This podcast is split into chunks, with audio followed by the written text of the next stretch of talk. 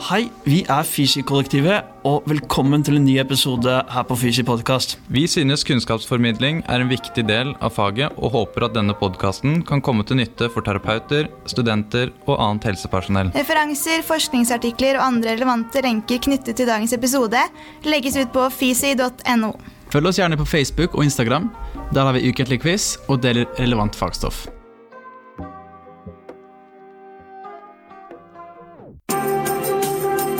Fem, fire, tre, to, én. Takk for at du har tunet deg inn på Fysi podkast. I dag så er det en litt sånn spesiell episode, for i dag så er vi faktisk i Trondheim for å spille inn. Sitter her med Ina Kvam Leron på Funksjonell medisin Trondheim. Hei, Ina. Hei. Koselig å få være med. Ja, det er veldig, veldig sporty av deg, og gøy at du eh, ble med på innspilling i dag. Uh, har du lyst til å bare introdusere deg kort for eh, våre kjære lyttere, eller? Det kan jeg gjøre, vet du. Eh, Jeg heter Ina. Jeg er 32 år. Tok bacheloren min i Esbjerg i Danmark. Jeg var ferdig utdanna der i 2012. Og så hoppa jeg rett på master eh, i nevrologi fra Tromsø. Og tok den på fire år, da, for jeg klarte å få to barn inni der òg. Så da tok det litt lengre tid. litt lengre tid enn forventa. Ja, men det var helt greit, for det var ganske omfattende og kom liksom direkte fra bachelor og eh, nevroverdenen. Eh, Men utrolig, utrolig spennende. Så det, det er jo litt det vi skal snakke om her i dag, da. Det er jo der litt sånn hjertet mitt ligger. Ja. Ja. ja, vi skal jo i nevrologiens verden, og, og litt mer spesifikt inn eh, mot eh, Parkinsons sykdom. Eh, og det har da Ina jobbet en del med de siste årene. Det blir veldig spennende å høre litt hva, hva slags tanker og ideer hun har rundt liksom, håndteringen av denne pasientgruppen. da. Men før vi hopper inn i, i dagens tema, så er jeg litt sånn nysgjerrig på sånn, hvordan var, hvordan var det å være fysiostudent i Danmark? Har du lyst til å bare fortelle litt kort om eh, litt kort om Danmark og Tromsø? Mm. Ja, ikke sant? Eh, Danmark var helt supert. De eh, opplever at de er Det er egentlig ganske stor kulturkrasj. De er ganske åpne. Ja. på mange måter. Ganske liberal. Vi hadde mye heftige diskusjoner om I Danmark så er jo fysioterapeuter klassifisert som sånn sunnhetspersonell. Så de har nok en litt bredere rolle. Snakker en del om, eh, om kosthold og veileder kanskje litt bredere da, enn vi gjør her i Norge. Uh, og de kaller på en måte en spade for en spade òg. Veldig rett fram. Og så er du overvektig, så får du høre det. Ja, og og har du hatt hjerneslag, så har du en hjerneskade. Og det sier de. Oi, De er veldig ja. sånn rett på sak. Um, jeg synes også, ja, Vi hadde mye som sagt, diskusjoner rundt det med helseforebygging og sånn òg, da. Fordi der er det jo mye mer liberalt med alkohol, blant annet. Ja. Og én av fire innlagt på danske sykehus er jo pga. alkoholisme. Så det er jo et stort samfunnsproblem. Ja. Eh, og vi hadde noen diskusjoner da med liksom, studentene fra Danmark, og de var sånn Nei, jeg er ikke villig til å betale mer for min vin eh, fordi om naboen har et problem. Og da bare Oi, sånn eh, Det var veldig interessant. Det var, jeg føler ikke at det var noe rett og feil, men de er bare mye mer sånn jeg tar ansvar for mitt liv, og det, vi må ha større frihet. Og, Så det har nok kommet, jeg har nok blitt litt sånn prega av noen av de tankene de hadde Ja. eh, rundt det med helse òg. selv om jeg er veldig takknemlig for at vi, vi velger å kanskje ta noen Ja, liksom, Vi tar noen for laget, for å si det på den Rett fra måten. levra på mange Ja. måter, både alkoholmessig og Ja, verbalt. ja, Det er- rett og slett. De var ganske sånn tydelige på at uh, ja, men det får være deres problem. på en Ja, måte. Nå skal jeg si at Ja. alle mente sånn, da. Det er på ingen måte. Men, uh, Men et annet eksempel var jo når røykeloven ble innført i Norge. Så var det jo sånn masse motstand på forhånd, mm. men når den først ble innført, så slutta jo alle å røyke inn. Mm. Punktum. sant? Når jeg studerte i Danmark i 2009, så hadde jo røykeloven tredje kraft for ganske mange år siden. Ja. Eh, Der røyka jo alle inn. Da sier du det? Ja, Oi. sånn at, og det snakka hun eh, læreren vår som vi hadde i denne faget, da, ganske mye om at danskene er ikke så veldig gode på bare å innrette seg etter autoritetene på den måten som vi nordmenn og kanskje svensker er, da. Ja, På godt og vondt, da. Ja. Eh, De, eh, på noen ting så tror jeg det gjør at de er bedre på å være litt kritisk Mm. og tenke litt mer sjøl. Mens vi nordmenn stoler veldig på liksom, det vi blir fortalt, da, og også på det med helse. da.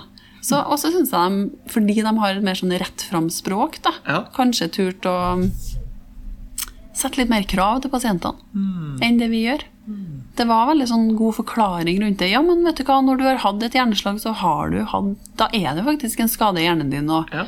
Og det er noe som er veldig, føler jeg, liksom tabubelagt. da. I Norge så, i hvert fall mine foreldre som ikke er noe helsepersonell, har ikke noe forståelse av at det er en fysisk hjerneskade. Nei, Ikke sant? Det, for det, i Norge så er vi litt mer sånn forsiktige med Ja, å vi går litt mer rundt grøten. Ja, vi eh, gjør på en det. Ja. Ja.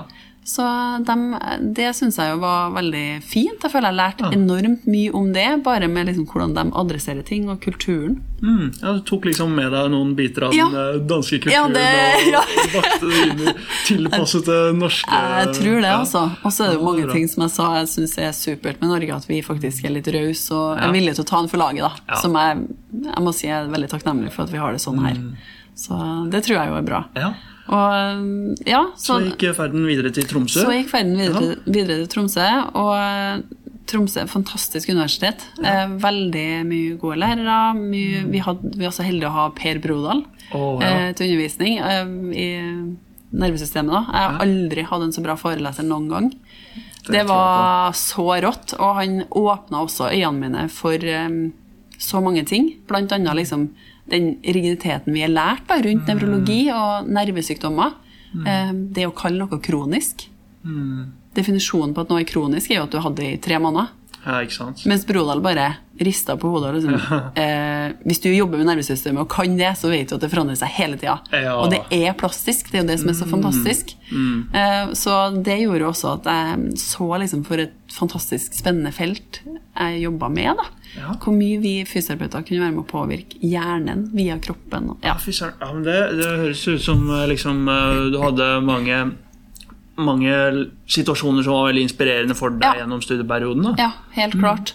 Og så var jeg jo, som jeg nevnte før vi starta her, jeg var jo den yngste på studiet. Jeg var 24 når jeg begynte, og øh, begynte liksom rett i klinisk praksis. For Ja. det er jo en del av Det er jo en klinisk master. Eh, veldig, veldig bra opplegg. Skikkelig bra. Du, du får liksom fylt på med Vi var samlingsbasert, da. Så du, jeg blir jo fylt på med masse teori, og så går du opp til en eksamen, og så skal du på en måte øve på det her i praksis. Både eh, veileda og Ja. for deg sjøl, ha tilgang på feltet. Eh, Så det syns jeg Det var en bratt læringskurve, men det var så, så spennende.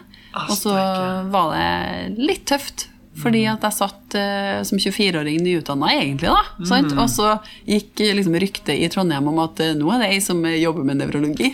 Og så bare sender jeg alle de tøffe casene Søren, ja, den kjenner du. til, til meg. Så Ja.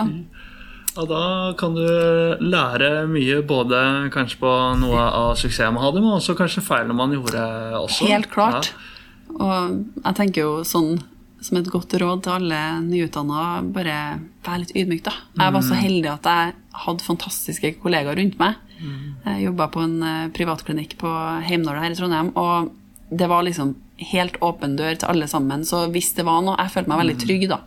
Eh, Og også overfor pasientene. Så det var jo det. Jeg er i en læring. Ja. Holder på og tar en master. Jeg er på ingen måte noen ekspert. og og det var jo Det er jo en veldig Det er jo veldig kvalitativt orientert eh, i Tromsø. Og veldig sånn myke verdier. Har jo veldig mye fokus på det med dialogen med, med pasientene. Og, og det følte jeg at jeg brukte veldig aktivt for å forstå feltet også i større grad. Ha noen knagger å henge denne teorien på. Ja, ja. Det var jo fint å ha lært om MS, men mm. det var jo ikke før jeg hadde noen som levde med det her, at jeg hadde en ordentlig forståelse av det. Ikke sant. Så mm, altså, så, eh, I dag så ehm, skal vi jo da uh, snakke litt om Parkinsons sykdom. Mm. og liksom, Hvordan var det, hvordan, du, hvordan fattet du interesse sånn spesielt Mm. for dette emnet? For jeg har skjønt eh, at eh, det her har liksom vært en pasientgruppe som har stått, stått deg nær siden Ja. du begynte å jobbe. da. Absolutt.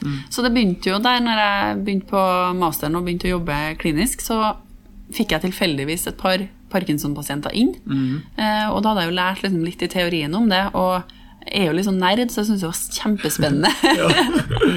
kjempespennende liksom på hvor det her satt han i hjernen. Sant? Det er jo stort sett det er jo basalgangliene først og fremst med rammer. Ja. Eh, og det, det gjør jo at de får de her klassiske symptomene, da, som Mm. bradykinesi, altså sånn eh, og små, trege bevegelser. De blir stive i kroppen, de får den her tremoren, skjelvinga, Mm. Eh, nedsatt postural kontroll.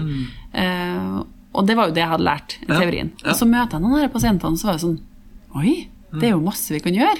Ja. Det var en gruppe som hadde en veldig stort endringspotensial. Mm. Fordi evnen var der.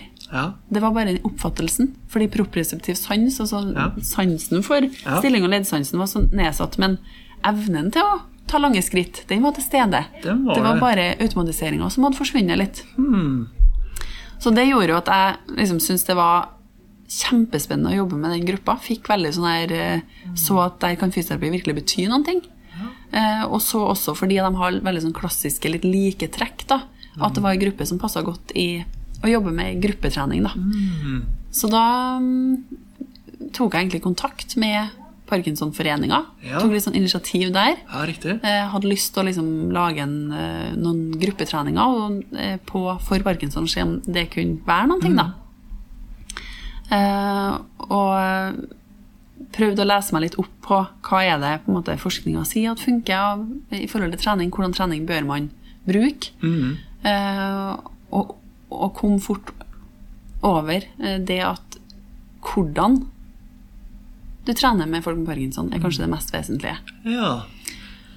Så hva, hva, er det, hva er det som um, Hva er det vi kan forbedre eller hjelpe de med da, i klinikken? Ja, ikke sant? Uh, og så ta liksom Ja, bak den Praksisen, Ja, ja altså Først og fremst, eh, det liksom jeg alltid starter med, er jo den her eh, De har en veldig dårlig holdning ofte. Det er jo det man har lært. Altså, fordi de har nedsatt proprioceptiv proprioseptiv sans, Ja. så er det ofte en veldig sånn foroverlut holdning. I Ah, utgangspunktet en veldig dårlig holdning å jobbe ut ifra. Da. Så det første jeg jobber med, er jo kroppsbevissthet.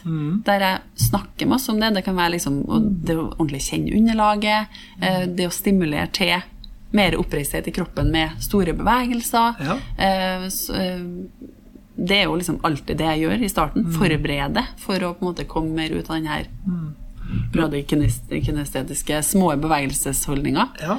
Når du liksom sier sånn, å kjenne på underlaget, er det, uh, hvordan, hvordan skjer det i praksis, på en måte? Da? Stort sett alltid uten sko og uten sokker. Ja. Så veldig opptatt av det med liksom å få mest mulig stimuli da, mm -hmm. via foten. Da blir det liksom litt sånn ne- eh, nevrofysen som kommer inn i bildet, Ja, kanskje. Og ja. kan godt bruke knotteball, mm -hmm. um, men ofte er det jo ikke det sensoriske som er nedsatt, det jo, men også det liksom å stampe litt, jobbe med Bøy og strekk, jobbe med store, åpne bevegelser. Så jeg strekker på hendene, for at jeg tenker Jeg er veldig fysisk av meg, veldig lyst til å vise. Ja. Og nå må dere bare Eh, se for dere ja, her store strekk ut, bevegelsesutslag strekker seg mot taket her. Og, ja. og. Og snakke med dem, da. Jeg bruker ganske mye tid på å undervise dem om at de har nedsatt sånn den her automatiserte eh, kommunikasjonen som vi, vi får når du ikke har parkinson, da, på at du skal ha en rak, god holdning. Og det er jo det beste i forhold til både respirasjon og fordøyelse og motorisk kontroll, selvfølgelig. Ja. Eh, balanse. Så underviser jeg jeg underviser dem om det, og vi bruker speil for at de skal få se det sjøl. For evnen til å rette seg opp er der. Men de er nødt til å bruke bevisstheten sin. Det kommer ikke automatisk. De må bruke bevisstheten sin. Så vi, vi bruker mye mer sånn eh, cueing da, og Ja. forklaring på det her. For at de skal forstå hva de holder med. Ja, riktig. Men eh, så, eh, Parkinson er jo en eh, progressiv eh, nevrologisk sykdom. Så på en måte til syvende og sist så, så vil de bare bli verre. eh, sånn hvis man s bare sier det rett Ja, ut eh, jeg på et sett. jeg skal ikke sitte meg sjøl, men uh, ifølge Brodal da, så er jo Ja. nervesystemet plastisk, så Ja. det kan jo endres på. Ja, ja, men det, Neida. Men det, jo, det blir jo litt sånn uh, Det blir jo et veldig stort spørsmål rundt hva er kronisk og ikke. og Mm. eh, Det tenker jeg at jeg skal ikke gå noe mye inn på, jeg, men, men at vi kan optimalisere, Mm. og at eh, treninga kan være med å bremse utviklinga, Mm. det er jeg ganske overbevist om, uten at man trenger å liksom tenke at det er ja. Eh, og det er jo også spennende forskning på det. Eh, det er jo gjort forskning på Parkinson-pasienter eh, som har vist at eh, styrketrening og stretching, da, typ litt sånn yogaøvelser, som jeg og skrev masteroppgaven min om, yoga Ja. til Parkinson, oh, ja. som jeg helt klart bruker veldig veldig mye. Eh, i, og det var liksom et randomisert, kontrollert studie med styr, styrke og stretching eh, og hard kondisjonstrening. Ja. Og dem som hadde ingenting, da, altså placebo-gruppe. Der de så at funksjonsfallet i den gruppa med hard kondisjonstrening var drastisk. Sånn at det skada hjernefunksjonen i større grad. Da. Det gir en høyere degenerativ Eller den raske degenerasjonen. Ja. En styrke og stretching som gikk faktisk litt frem. Ja. Sånn at det er studier som peker på at det, vi kan gjøre ting i for å beskytte hjernen da, med trening. Eh, og da er det jo litt sånn, da er vi litt mer over på sånn diagnosespesifikk trening. Da, at det er kanskje ikke denne gruppa som er super masse, kanskje i hvert fall dårlig stresshåndtering. Det går igjen veldig. Bare se en kropp som er så foroverlut og anspent og skjelven. Ja. det er liksom ikke dem du setter på tredemølla til og liksom, nå skal vi bare kjøre på. Nei. Eh, nei. Nei. Så da er det jo, som jeg sa, liksom alltid å starte med å for, forberede kroppen da, på bedre bevegelseskontroll og bevegelsesfunksjon. Eh, og så er det veldig mye Jeg bruker masse pust, og det var jo noe av det jeg fant ut òg. Så pusten er jo en inngang til det autonome nervesystemet. Så da kan du få kobla på mer parasympatikusaktivitet og får en roligere, mer bevegelig kropp. Så det er jo sånn magi å ha inn i gruppe liksom, med ti Parkinson-pasienter som kommer inn med bitte små skritt og skjelv, liksom. Ja, ja. Og så ligger bare alle helt avspent på matta, og Ja. ingen rister lenger. Og, så det er, det er liksom magi, da. Og det opplever jo dem òg. Så det er jo det som har vært så kult. Så mine grupper, jeg starta jo i 2014 med de gruppene, da, har jo utvikla seg også på bakgrunn av den erfaringa vi har gjort sammen da, i den gruppa. For det er jo mange av de pasientene som har gått til meg i årevis. Eh, og de opplever jo ting og kan gi meg tilbakemeldinger på ah, nå prøver vi ut det, og, og de sier liksom åh, hadde jo effekt flere dager senere. Og nå har jeg brukt det med pust før jeg skal inn på butikken, for det er en typisk situasjon der jeg skjelver mer. Mens hvis jeg satt i bilen og visualiserte eller ja. Ja, riktig. Så, ja, men så, ja. eh, konteksten de er i, påvirker de i en stor grad og hvordan symptomene deres Ja, ja, oppleves. ja, da. Stress eh, er jo i utgangspunktet veldig giftig for hjernen, det vet vi jo.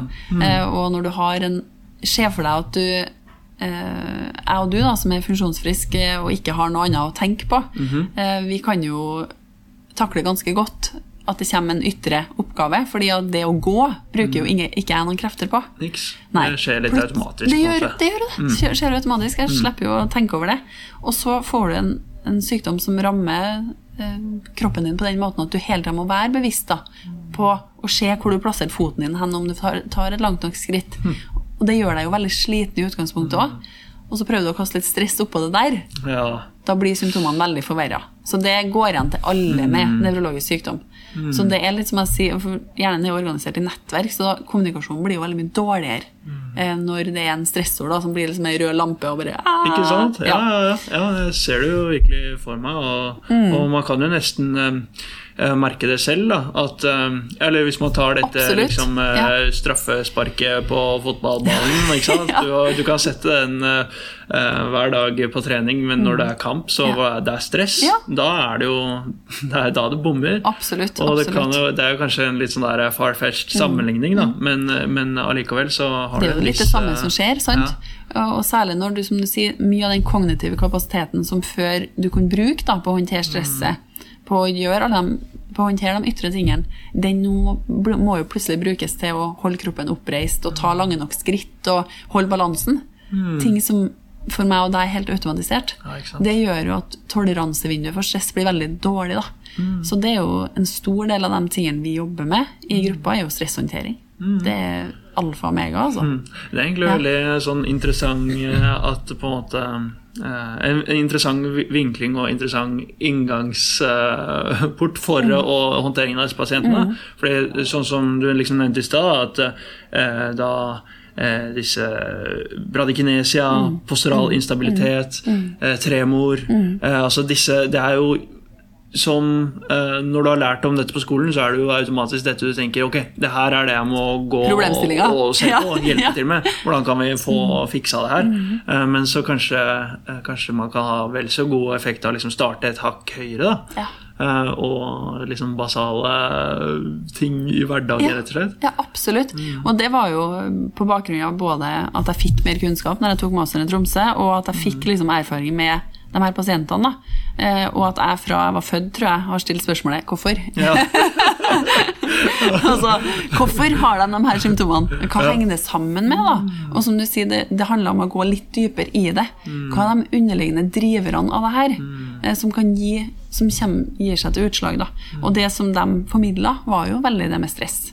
At å, når jeg, når jeg stresser, så skjelver jeg enda mer, eller jeg sover enda dårligere, og jeg detter detter mye raskere. Altså, Det var så tydelig, da. Og det blir akkurat som, som du sier, vi, eh, vi får jo også store utslag, og det vises på også når vi er stressa, men når du har en en nevrologisk sykdom da, som tar så mye plass kognitivt, da, så blir det enormt viktig. Og det var jo, syns jeg, i hvert fall veldig viktig for å lære seg å håndtere og leve bedre med diagnosen. da. Ja. Eh, med de utfordringene det gir å ha nevrologisk sykdom. Så det er optimalisering av eh, og stresshåndtering for å leve liksom bedre med deg, det er kjempe, kjempe, kjempeviktig. Sånn som jeg ser det, i hvert fall. Mm, Det er veldig interessant. Hvis vi, hvis vi tar og snakker litt om liksom, eh, eh, denne gruppen pasienter, da. Eh, det er kanskje mange som hører på podkasten som ikke har mm, møtt noen med parkinson, eller i det hele tatt liksom sett det. da. Eh, hva er liksom ditt inntrykk av Hva er de vanligste tingene de eh, føler og angir eh, er problematisk etter de har blitt syke? Og det er jo en stor Det er jo en diagnose eller en sykdom som rammer veldig bredt. For det kan jo være kognitive funksjoner som blir ramma. Eh, en del får jo eh, psykiske problemer. Det kan faktisk være første symptom på parkinson kan jo være eh, depresjon. Ja. For det, det er jo dopaminmangel som er liksom en av problemstillingene. Eh, Så det er sånn, jeg har flere som hadde liksom depresjon 20 år før de utvikla eller fikk diagnosen på papiret.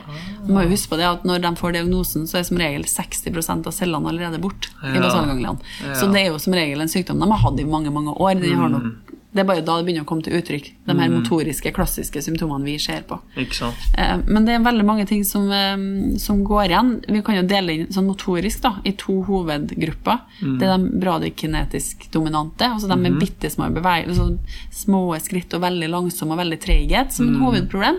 Og så er det de med tremordominans, da, Ja. som er veldig skjelvent. Det er liksom to hovedgrupper Ja. hvis man klassifiserer det som motorisk. Da. Eh, Men så er det som sagt veldig mange andre problemstillinger. Og noen av de tingene Det var jo en sånn eh, eh, Fysioterapiforbundet og Parkinsonforeninga hadde jo for noen år siden en sånn fagdag Ja. om parkinson. Ja. eh, På bakgrunn av noen retningslinjer som har blitt utvikla i Nederland. Veldig, veldig bra. Og der er det et godt kompendie som også står litt om trening og sånn for, eh, Ja, for parkinson, som man kan eh, nerde litt på. Ja, ja, det må jo da eh, Vi lager et innlegg til denne episoden.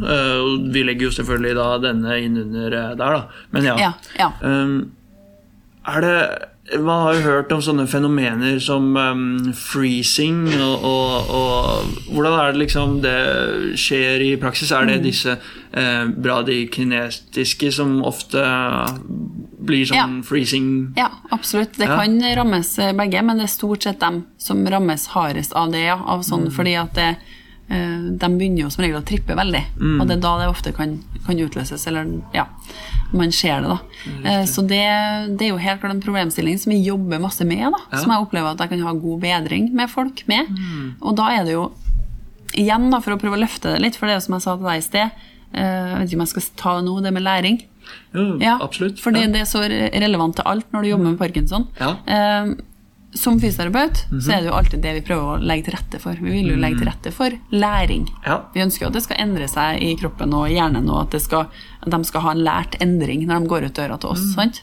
Eh, og da oppdaga jeg jo, når jeg begynte å liksom gå i dybden på parkinson, at Oi, liksom det her automatiserte bevegelsene, da. Den her tradisjonelle tilnærminga som vi bruker i fysioterapi, der vi bare gjentar en øvelse mange nok ganger til forventa utfallet at de skal bli bedre. Altså, Vi har et kne som ikke kan strekke seg ordentlig. Vi bøyer og strekker på det mange nok ganger, og så blir det på en måte Ja, ja, ser- automatisert. Ja, ja, som et barn. sant? Altså, Sånn som vi vanligvis lærer. Vi bare gjentar til det sitter. Øve og øve. Ja. Altså, ja. Og det, la, det lagres jo i basalgangliene.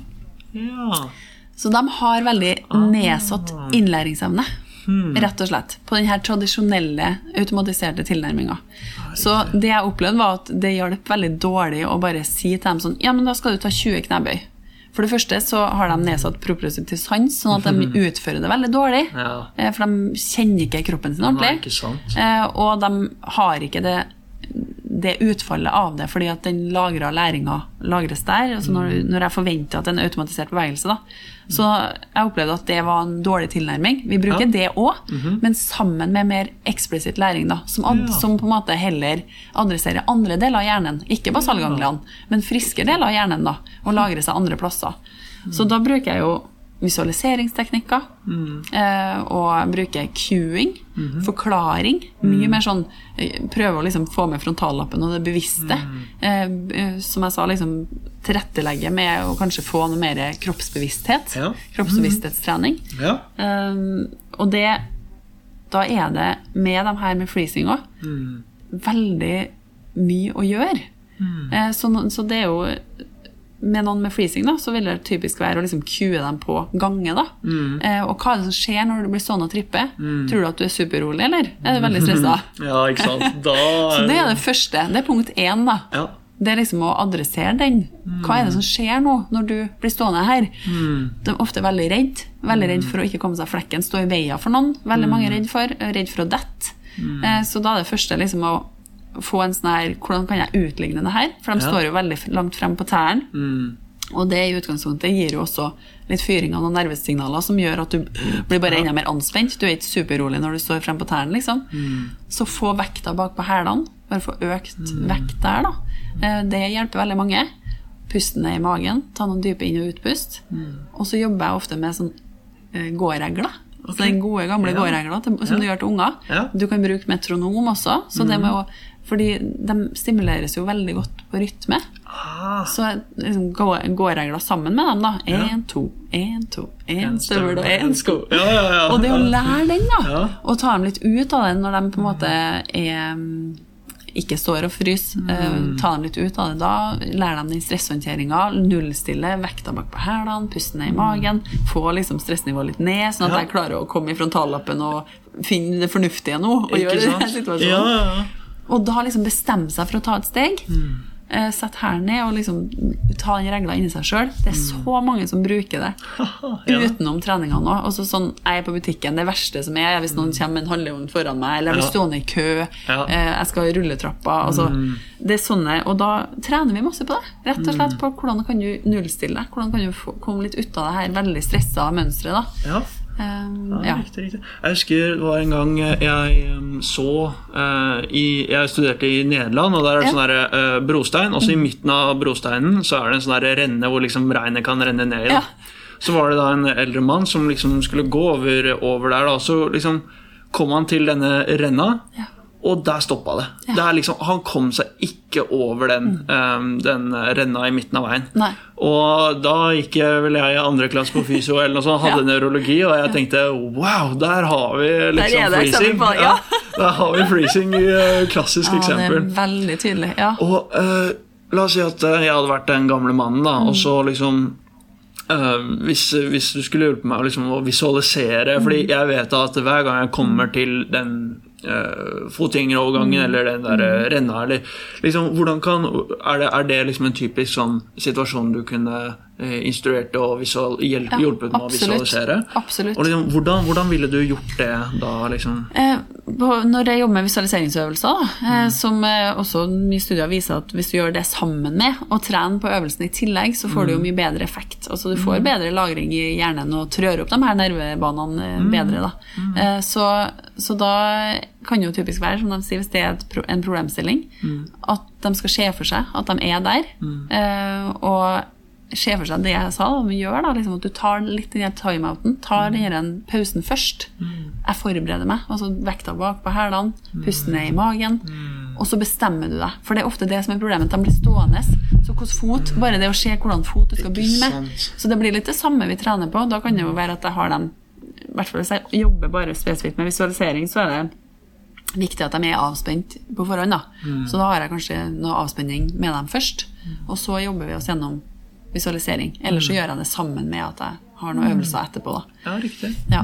Og det er så spennende, for det er veldig mange som hvis vi gjør en koordinasjonsøvelse, eller ja, der de står bom fast, de klarer ikke å gjøre det, for de har jo ofte veldig nedsatt koordinasjon.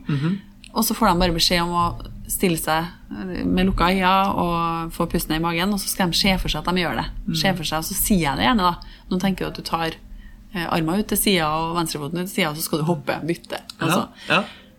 Og så skal de bare prøve å gjøre det uten å gjøre det. Sant? Så med lukka øyne bare se det for seg inni hodet. Ja. Så er det nesten alltid at de klarer det etterpå. Ja. Så det er utrolig fint verktøy, fordi at de, vi, vi vil jo automatisk bare gå inn i basalgangliene og prøve å lete etter denne læringa som skal automatiseres, og vi vil hente fram den kunnskapen om å prøve å sjøl òg, da. Så vi er Mm. nødt til å måte lure hjernen litt over i, på andre deler for, Ja. å få den, for å få et annet utfall. Ja, ja. Så det, det er veldig spennende. Så det tenker jeg jo, når man jobber med parkinson, så bør man vite det.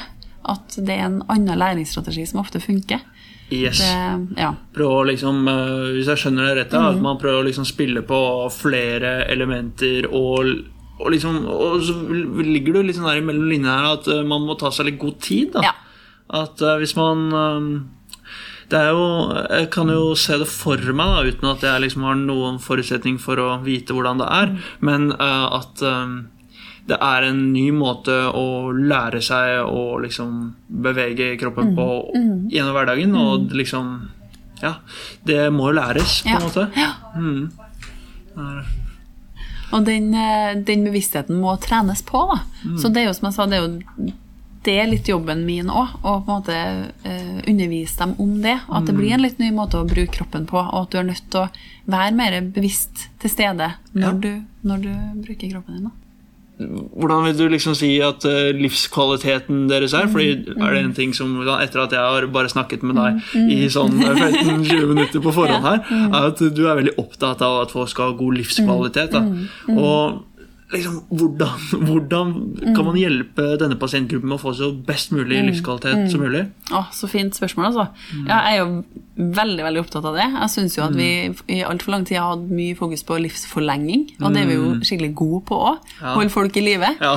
Eh, Det å sette dem på Ja, av mange grunner. Ja. Mens jeg er mye mer opptatt av liksom hva er det som gir livskvalitet til den enkelte, da? Og god livskvalitet er jo ja, kanskje litt mer målet på et bra liv. Ja, jeg helt klart. Helt Ja. klart. Det er jo, ja. Ja, så det, det er jo veldig interessant. En av de tingene som jeg opplevde da, eh, at funka så bra med denne gruppa i forhold til å ha dem på gruppetrening, var jo at veldig mange syns det er ganske skamfullt å ha en diagnose som er så tydelig. Mm, Eh, ja, sånn at det er veldig sånn De går og er veldig anstrengt for at de prøver å skjule den handa som skjelver.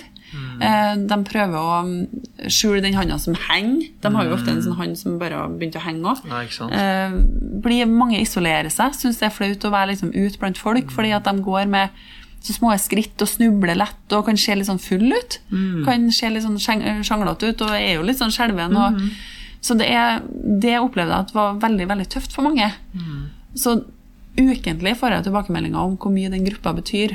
Fordi det betyr så mye å møte andre som er i samme bås. At folk slapper av, at folk slipper skuldrene. Og her er det lov. Jeg er ikke noe annerledes enn de andre. Nei, og det er en enorm raushet og forståelse for at du har det sånn som jeg har det. Eh, og det, ja, det, det liksom er så givende å jobbe på den måten for min del òg. Så der er det jo som helbredelse i å være sammen da, med andre Sånn som har det som er sånn. Ja, ja, det skal ikke Ja, man simse av, altså, hvor mye hel altså. helbredelse det er i det. Og det gjør jo også at motivasjonen for å komme på trening er mye høyere, motivasjonen for å lære er mye høyere. Eh, og det blir ikke så flaut. da, Vi gjør så mye forskjellig, for jeg er så opptatt av liksom, hva er det som rører seg i forskerverdenen. Og, Ja, ja. eh, dans og tai, tai chi er kjempebra. Og den liksom, standard Parkinson-pasient er jo liksom mann 75 pluss, kanskje. Mm, ja. og de er med på yoga, og de er med på dansing, og de gjør ting de aldri har gjort i sitt liv. Wow, ja. Og det som er så kult, det er jo at kreativitet og litt sånn her uforutsigbarhet, det stimulerer jo og booster dopamin. Så veldig mange det, Vi bruker å si at vi danser parkinson litt ut av vinduet. ja. så det er jo sånne ting òg. Være litt leken, da. Det opplever jeg at det gir veldig mye høyere livskvalitet. Ja. Og jeg opplever også at det at jeg formidler så mye, og har god tid, da. For det er, det er sånn kjernegreia å ha god tid når det er en sykdom som rammer også kognitive ting. Ja. Uh, Det booster livskvalitet veldig. Ja, fy Ja. Mm.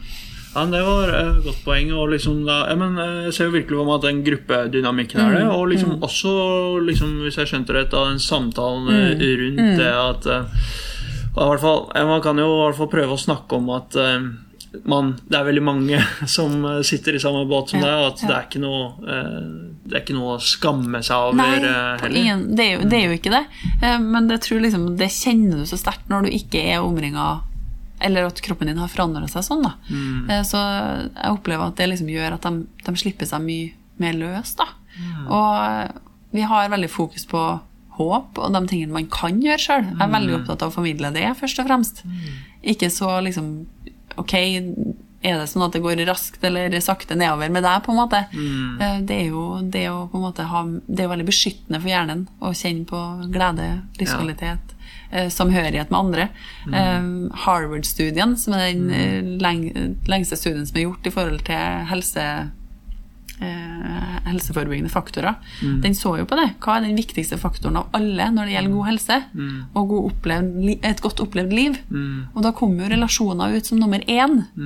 Så jeg mener jo at liksom, det at vi spiller på det òg, i den terapeutsettingen der, eh, ser jo hvor mye det betyr for dem. Og for hvor mange enslige eldre også som er ramma av denne sykdommen, som får en eh, ja, får gode relasjoner også, da, og, og ikke minst mens jeg ikke føler seg ensomt. De har flere som er ramma av det samme.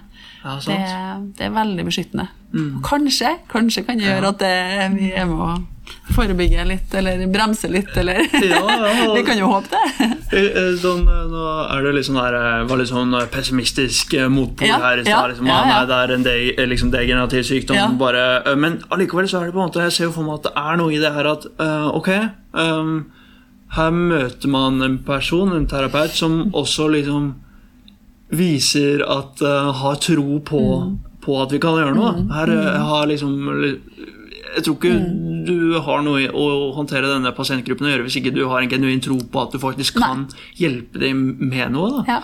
Eh, og det er på en måte litt sånn derre uh, vibbene jeg, jeg tar opp litt fra at liksom du, du er liksom genuint opptatt og har en tro da, på Mm. at, det her, eh, at det her er noe å gjøre med. Og, og du også har erfart på en måte at det er noe å gjøre med. Så det er Mm. Ja. på en måte ikke noe å være redd for heller eh, å Nei, trå inn i. nei, absolutt ikke, men det er jo likevel ikke helt det vi lærer, da. Eh, Så, men min inngang i det har jo vært å jeg har jo liksom vært litt sånn skremt over å se hvor mange som blir ramma av de her både hjernesykdommer og nevrodegenerative sykdommer, da, mm. som er litt i samme båsen. Eh, og at vi har stilt litt for lite spørsmål rundt hvorfor er det så mange som blir ramma av det her. Eh, og det er jo der jeg prøver å liksom formidle litt i større grad hva vi kan gjøre sjøl, da. Hva er det vi kan gjøre sjøl? Hvor mye er det som vi om, hvor, hvor mye har det å si for helsa mi at jeg jobber med min måte å håndtere stress på? Hvor mye har det å si for helsa mi hva jeg spiser, hvordan jeg sover, hvem jeg omgir meg med? Jeg er veldig opptatt av det, fordi at alle de her faktorene vises jo igjen og igjen på forskning at har noe å si for både opplevd livskvalitet, men også for helse. Eh, Så det er jo årsaken til at jeg har gått videre òg, og ikke bare jobber som fysioterapeut lenger, men at jeg jobber som fun- funksjonellmedisiner, eller jobber med funksjonell medisin, da. Mm. Der jeg enda større grad formidler det her budskapet, da. Ja. Ja, det er jo på et sett eh, Eller på mange måter så er det jo liksom en livsstilsendring som eh, bør gjøres, da. Mm. Absolutt. Eh, når eh, sånn Før eller siden, da. Eh, er, er Mm. ja, for det er jo noe med liksom Hva er det som har gjort at denne spiralen har begynt å gå den veien, da? Mm. Er det noe som kan endres på hvis jeg begynner å gjøre noen endringer i den spiralen? I hvert fall å tørre å stille seg de spørsmålene. Mm. og jeg synes jo, jeg følger jo Parkinsonforeninga både på eh, lokalt og sentralt, og, og det legges jo masse pasienthistorier ut der, og, og mine erfaringer med å høre og lytte til dem som opplever å leve med denne diagnosen, men også andre diagnoser, er jo gjerne at de kan sette fingeren på noen ting som har vært veldig sånn utløsende eh, og drivende. Eh, og at noen har opplevd liksom at det at jeg sa opp jobben min, det gjorde faktisk at livskvaliteten øka masse, og, og at skjelvinga ble mindre, og at det ikke går så fort, i hvert fall. da. Så, så det er jo det er jo noe annet, og også det med, med trening, at jeg har liksom fikk senest forrige uke en mann som tok kontakt fordi at han kjenner en som går i gruppa mi fra før. Eh, og han bare 'Han har jo blitt så mye bedre, Ja. så nå må jeg begynne'. Ja, ikke sant? så det opplever Ja. vi stadig, at de blir bedre. Og det motivasjonen for å gjøre en endring, motivasjonen for å trene da, og gjøre, liksom, stå på litt, da. Eh, når du har fått en sånn diagnose, den er jo også høyere. da. Så man kan jo stille det spørsmålet har det med det å gjøre. At jeg opplever at de, de vil så gjerne i hvert fall gjøre det de kan sjøl. Ja. Og det jo, vi vet jo hvor beskyttende det er for hjernen å, å trene. Og, Så det er jo, jeg tenker nå at det er en ganske logisk link, da. At du også eh, kan være med å bremse litt utviklinga. Ja. Absolutt. Ja, det er jo på en måte øh, det er jo veldig mange aspekter til liksom, den behandlingen av Parkinson. Og jeg tror at liksom, en ekstremt viktig del av det er, liksom, som vi har snakket om i dag, eh, å eh, klare å bevege seg og, og klare seg i hverdagen. på et sett. Så er det jo en del andre ting òg. Man eh, får jo medikamenter. Er det sånn levodopa? Ja, Er det det ja, heter? vanligste. Ja, Sinemett eller noe sånt. Ja. Mm. Eh, og det er jo eh, type, hvis jeg har skjønt rett, en dopamin eh, Ja, subs- et substitutt.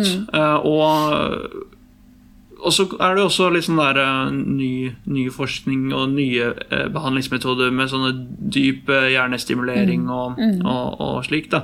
Så det er jo, det er absolutt en eh, ting man kan gjøre Ja. hvis man blir syk. Men det som er viktig, ja, ja, det kan man, men det som er viktig da, er jo å vite, er jo at det er jo bare symptombehandling. Det er jo ingen av de tingene som stopper bremsen og utvikling.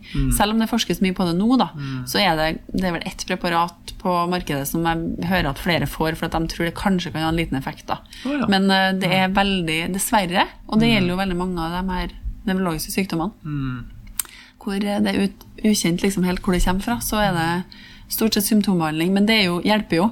Men mange opplever jo at det å også gjøre de tingene de kan gjøre sjøl, som er det Kjenner jeg et økt behov for medisin i dag fordi at jeg er veldig stressa, så må jeg kanskje også altså, ha avspenning da, som en del av medisinen min. i mm. her. Eh, eller er det at jeg liksom er så stiv at kroppen min er så uhåndterbar fordi at jeg ikke tøyer noen ting. Så det med denne gruppa har jo alltid med som jeg sa, yoga og, og tøyninger og pust da, som en kjempeviktig del for å gjøre kroppen mer håndterbar og bevegelig. For ved en kropp som er så stiv eh, og så ja, lite fleksibel, da, så gjør jo selvfølgelig også at bevegelsesmønstrene blir veldig uheldige. Ja. Så er, eh, ja, mm, sammen med, som du sier, medisinene, da. Mm. Konge. Ja. Ok, eh, Kjempebra. Vi tar og eh, går videre til eh, vår Vil vel nesten si at det er en fast spalte her på Fysi podkast. Det er da aha-opplevelser, der vi da kan høre om Ina har en, en, en slags historie fra klinisk praksis. Da selvfølgelig kryptert for taushetsplikten. eh. Er, er, har du en eller annen sånn aha-opplevelse med enten Parkinson eller en nevrologisk syke som du har lyst til å dele med lytterne våre i dag? Ja, eh, vi snakka jo eh, litt om hvordan tema skal vi ha og sånn i dag, og en av de tingene som på en måte har hatt mye å si for meg de siste årene, eh, jo vært, har jo vært å jobbe litt mer rundt målsetning. Eh, også til denne gruppa, da, for det er jo veldig trist. da, når du, altså Mange av dem har jo, har jo den forståelsen av at det går bare én vei. Ja. Ja, Så da kan det jo være for noen ganske vanskelig å finne motivasjon til å gjøre de tingene de trenger å gjøre for å opprettholde funksjonen. da, i hvert fall. For det, det er jo ekstremt viktig. Det kan de jo virkelig gjøre. Trening har masse å si for Parkinson for å opprettholde funksjon Ja, lengst mulig. Ja. Eh, så, så da har jeg vridd det litt. da. Jeg er mye mer opptatt av hva skal du bruke det til. Og hva skal det føre til i livet ditt? Hvis de har en klar målsetting om at jeg vil bli bedre å gå, så er det sånn Ok, så fint. Alle vil jo bli bedre. Jeg vil jo bli bedre. Jeg vil jo ha bedre kondisjon, være mjukere. Det jo, høres jo fint ut. Men som virkelig prøver å gå litt i dybden. Hva skal det føre til i livet ditt? Eh, Det har jo endra både Det har endra masse for meg. Det har vært sånn skikkelig aha-opplevelse å jobbe med målsetning på den måten. Vi får mye mer sånn uh, genuine relasjoner, syns jeg, jeg og pasienten. Vi snakker mye mer rundt det med målsetning, og hva det betyr i livet til, det her, til denne pasienten. Har du en sånn uh, enten reell eller fiktiv uh, eksempel på, på liksom en situasjon der man skal prøve å finne dette målet? Eller er det? Ja. Jeg hadde det ikke så lenge siden en, en dame, en ganske ung dame med slag, da. Hjerneslag, som hadde hjerneslaget for noen år siden. da. Eh, og Så kom hun til meg for at hun hørte at jeg hadde var nevrologisk utdanna og hadde lyst til å liksom prøve å se om hun kunne få forbedra gangfunksjonen litt. da. Ja. Eh, og det var jo fint, og da var det sånn, det var sånn, det var det som var målsetningen. Forbedre gangfunksjon. Selv om det ikke var så målbart, det mm. så spesifikt, da, så var det noe, det som betydde veldig mye for henne. Eh, men så syns jeg på en måte ikke at jeg fikk helt tak på motivasjon. Jeg syns ikke at det var helt sånn super motivasjon rundt dette her. Og, og var ikke så, gjorde ikke så mye egentrening og var ikke villig til å legge ned så mye innsats som jeg kanskje forventa hvis det var målet. da. For det krevde jo, og det prøvde jeg jo å tydeliggjøre, at det krever jo en innsats og intensivitet og mengde. og ja. Ja. Eh, og så begynte jeg å stille litt spørsmålet, men hva skal det føre til, da?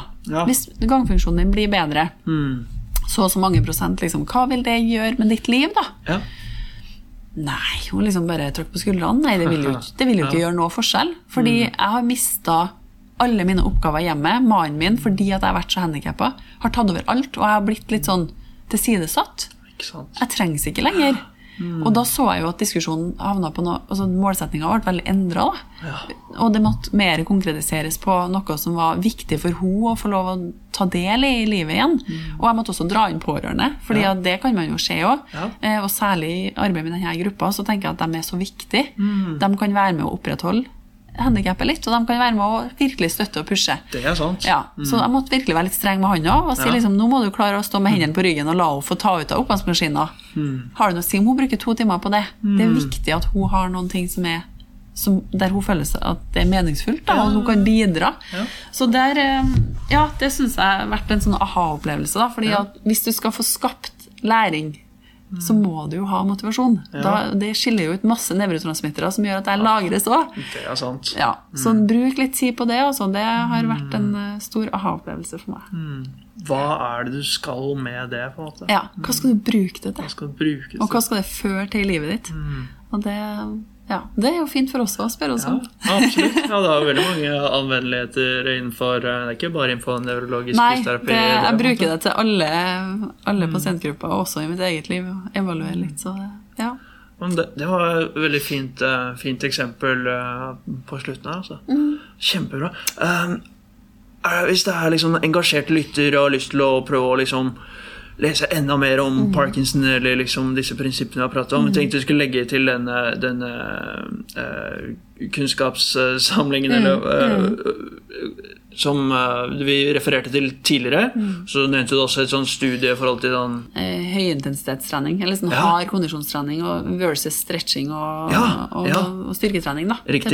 Ja, det må det vi legge jeg- til Mm. eh, på der. Og er det, er det noen flere lenker på toppen av eh, Eller skal vi bare Ja, jeg anbefaler jo virkelig å følge Parkinsonforeninga Mm. eh, på Facebook, eller bare gå inn på nettsida. De legger ut aktuelle artikler hele tida. Noen ting er jo veldig retta mot, eh, mot medisiner og andre ting òg. Selvfølgelig hva kan årsaken til parkinson være, og sånne ting, men masse er også retta inn mot trening. da. Eh, og så er det jo, Jeg har jo tatt kurs, så det er jo flere sånne kurs man kan ta som er litt mer sånn Parkinson-spesifikk trening. LSVT Big eller PVR og sånn, sånne metoder da, som Ja. jeg bruker som i verktøykassa mi. Eh, hvis man er interessert, så kan det være en veldig fin inngang da, litt i parkinson. Det er en god, god forståelse og bygd opp veldig godt teoretisk. Det er gode, gode tips. Mm. Ja, Kjempebra. Um, yes. Er det noe du har lyst til å liksom, melde ut i verden før vi runder av podkasten, eller er det Nei, bare, bare at flere kanskje ikke vær så redd i møte med nevrologiske pasienter. For det kan jeg oppleve at mange blir litt sånn Det er ikke det jeg ønsker, i hvert fall. Jeg ønsker å formidle at liksom, det er mye du kan gjøre. Og, og min eh, eh, altså beste læring har jo vært å lytte til pasientene. Så det, det råder jeg absolutt om å gjøre. Å, Kjempebra. Ja, men, eh, det var utrolig spennende å, prate med deg, Ina. Så takker vi for oss på denne episoden eh, i dag. For meg Ja, veldig gøy, altså. Ok, men Da hører du fra oss eh, senere her på Fysi podkast. Ha det bra. Takk for at du hørte på Fisi podcast. Håper du likte denne episoden. Følg oss gjerne på Facebook og Instagram. Der har vi ukentlig quiz og deler relevant fagstoff. Vi selger T-skjorter og annet merch på fysi.no. Vi har mange planer og mål, og omsetningen av merch skal vi bruke til videre prosjekter og kunnskapsformidling. Husk å abonnere og rate podkasten, slik at vi når ut til flere.